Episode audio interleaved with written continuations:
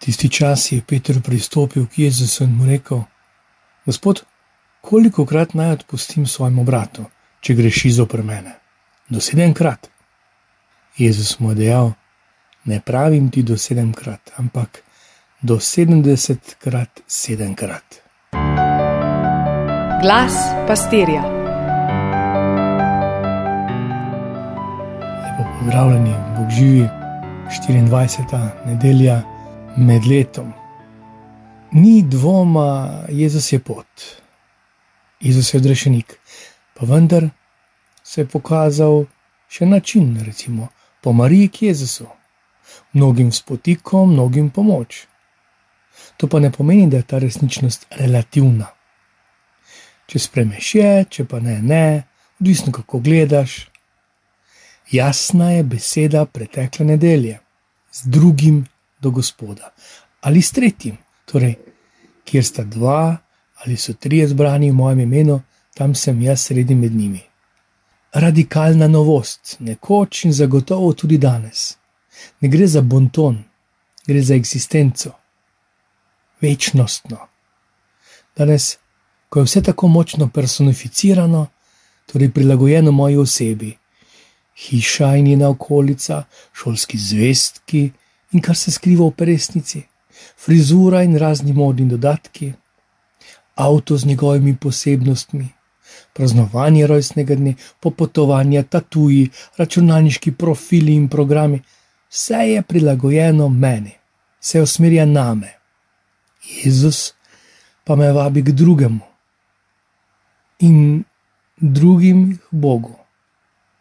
Dejansko zelo lepo in krasno in skoraj idilično če bi spet ne šlo prvič za pravo resničnost, torej moje božanstvo je lepo samo na sliki. Na soncu se stopi, v vetru greha, pa je moja svetost hitro prehlajena. In drugič, če smo z Jezusom doživeli njegovo ekonomijo, njegovo geometrijo, je sedaj na vrsti še njegova matematika. Ekonomija nasili, da razdelimo tistih pet hlebov in dve ribi med množico, in jih nasitimo. Geometrija nas postavlja v odnos do Boga, le da je On v središču. In današnji matematični račun ali bolje enačba, ker končno vseeno imamo več kot eno neznanko. Vodi pa proč od človeške logike. Recimo, nekdo je krivičen do vašega otroka, žali ga, več dni zapredma, v šoli na poti domov, pa tako pridno hčerko imamo, zdaj pa to. Tiha jeza. Pa saj bi si želel, da se otroci sami pogovorijo, ampak kar je preveč, je preveč. Čakam na parkirišču, recimo, zopet drug primer, da se sprosti prosto mesto. Ravno ko želim zapeljati v prazen box, me prehiti en dečko v športnem vozilu, pa še telefonira, če mu jih zdaj ne bom napovedal.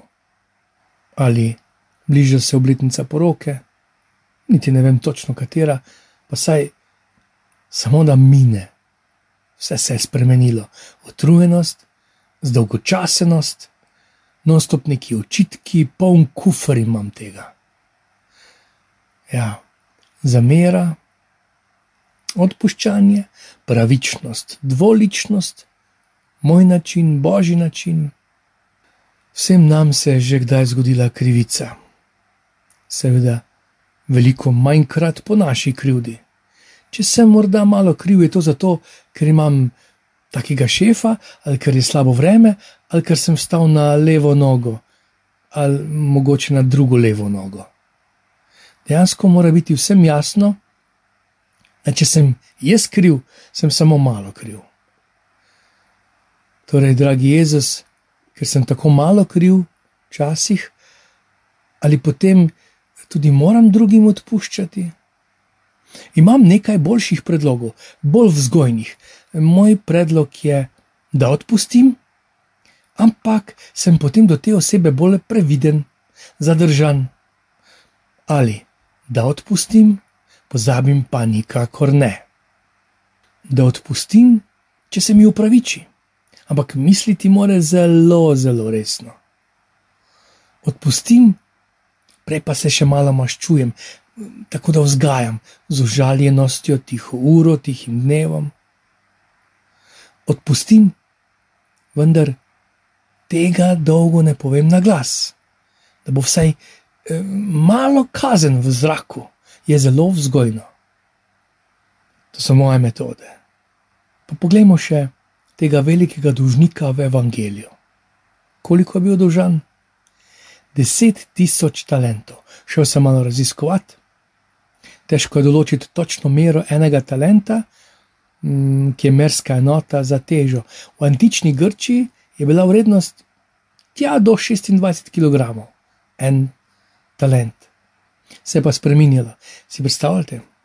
To znaša 260 tisoč kg zlata. Torej, 260 ton zlata. Slovenija ima zlate rezerve 3,17 tone. 260 ton. Samo za ilustracijo. In kakšna je vrednost? To znese celih 15 milijard evrov, ne 15 milijonov. Zakaj v teh številkah? Ste bili kdaj komu dolžni? Koliko? Kako dolgo? Kako ste vračali ali še vračate? Ja, kredit zna biti kar težka stvar. Kaj, če bi bili naenkrat dolžni desetkrat več ali stokrat več kot ste? Bi še sploh imeli voljo vračati? Si predstavljate, da si dolžan 15 milijard, kako je sploh možno biti tako zadolžen? Lahko pa je to podedovani dolg, ki se je začel že pri pra, pra, pra, pra, detko in se sedaj samo kopiči. Moj sin bo imel še večji dolg in nevrjetno. Jezusova matematika me v trenutku osvobodi, pa ne samo mene, vse je odpuščeno, vse je izbrisano, vse je pozabljeno. Naenkrat lahko zadiham. To je odpuščanje. Ves dolg odplačan. Skoraj ne morem verjeti, kaj pa droben tisk? Ga ni, le jasno in resno navodilo in opozorilo. Tudi ti si dolžan odpustiti bratu, sestri, njegovih sto denarjev. Spet malo raziskovanja. En denar je približno ena dnevna plača. Torej, niti ni tako malo, plača celih treh mesecev. Še bolj pa 7x70 na dan, torej 490 krat na dan. Odpuščanje ni stvar ulike, ni stvar razuma, je področje srca, je dejanje vere. To ni instinktivno dejanje, je odločitev. Sem malo razmišljal, kako ponekod lovijo opice. V desko izdobejo luknjo, ravno dovolj veliko, da gre skozi njo roka opice. Na drugo stran dajo banano, opica skozi desko prime banano, ker pa ima sedaj roko stisnjeno v pest, je ne more izvleči. Nikakor pa ne želi popustiti in je lahek plen za lovce. Tudi mi se zlahka ujamemo, ko ne želimo odpustiti, ker ne želimo pustiti.